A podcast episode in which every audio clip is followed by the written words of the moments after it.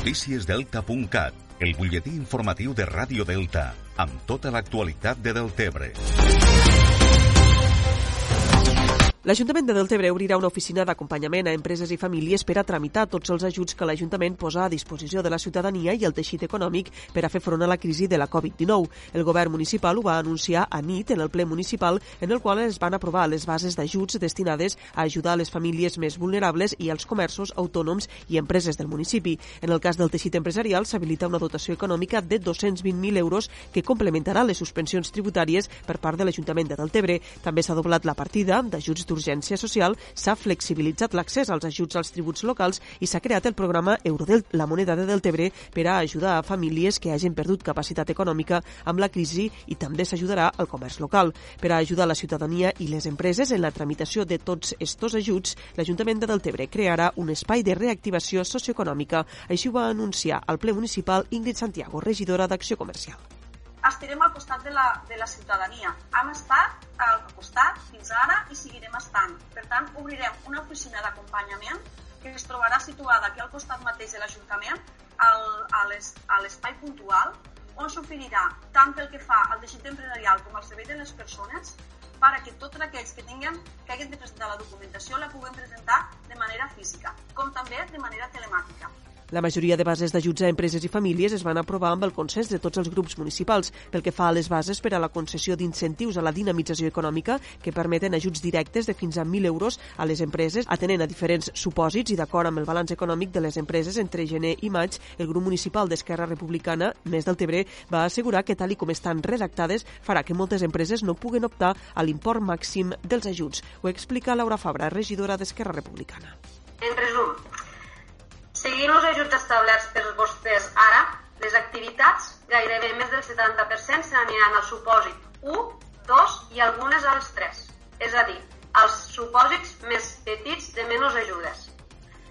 Només canviant la proposta dels mesos per atraure el resultat econòmic, les mateixes activitats passaran als supòsits de més ajudes, que és la 5, la 4 i algunes a la 3.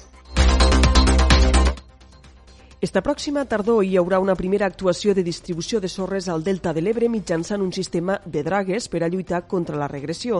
Este és un dels principals compromisos que va sortir de la reunió ahir dimecres de la comissió mixta entre la taula de consens i els representants de l'Estat i la Generalitat. En la reunió, totes les parts representades van constatar la situació d'extrema vulnerabilitat en la que es troba el Delta de l'Ebre i la necessitat d'actuacions urgents de cara a la tardor. Escoltem Rafa Sánchez, tècnic assessor de la taula de consens però pensem que podem treballar per aquesta tardor ja tindre eh, algun tipus d'actuació eh, en aquest delta.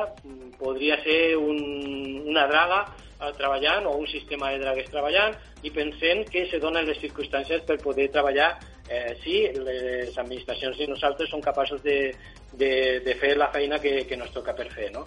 En la reunió de la taula de consens es va acordar la designació de tres tècnics per part de la taula del Ministeri de la Transició Ecològica i del Departament de Territori per desenvolupar l'avantprojecte de gestió de sorres per a poder actuar esta tardor. En paral·lel es treballarà en l'autorització ambiental amb el compromís del Departament de Territori d'agilitzar la tramitació. L'altra línia de treball engegada en el si de la comissió mixta és la recuperació dels sediments fluvials. En la reunió, tant el Ministeri com la Generalitat van constatar que ja tenen grups de treball en marxa per a la gestió dels sediments fluvials i es va acordar que la taula de consens hi participarà i treballarà per a una major i millor coordinació. Esta primera reunió de la comissió mixta ha estat forçada per la taula de consens que a principis del mes de maig va emetre un comunicat convocant la reunió per al dia 27 i instant l'Estat i la Generalitat a nombrar els seus representants. El portaveu de la taula de consens, Xavi Curto, s'ha mostrat satisfet d'esta primera reunió veritat és que la podem titllar de satisfactòria perquè eh, entenem que si no és en la en la unió de, de forces i compromisos de totes aquelles institucions que tenen algo a dir sobre el Delta, eh, difícilment en sortirem. I, en principi, eh, semblava que eh, la, la, la veritat és que ha sigut la taula qui ha forçat definitivament la, l'inici de la comissió, però eh, me sembla que totes les parts han sortit eh, en satisfacció perquè veuen que és un instrument que, que, que, que treballant entre tots eh, podem arribar als objectius que entenem que tothom eh, compartim.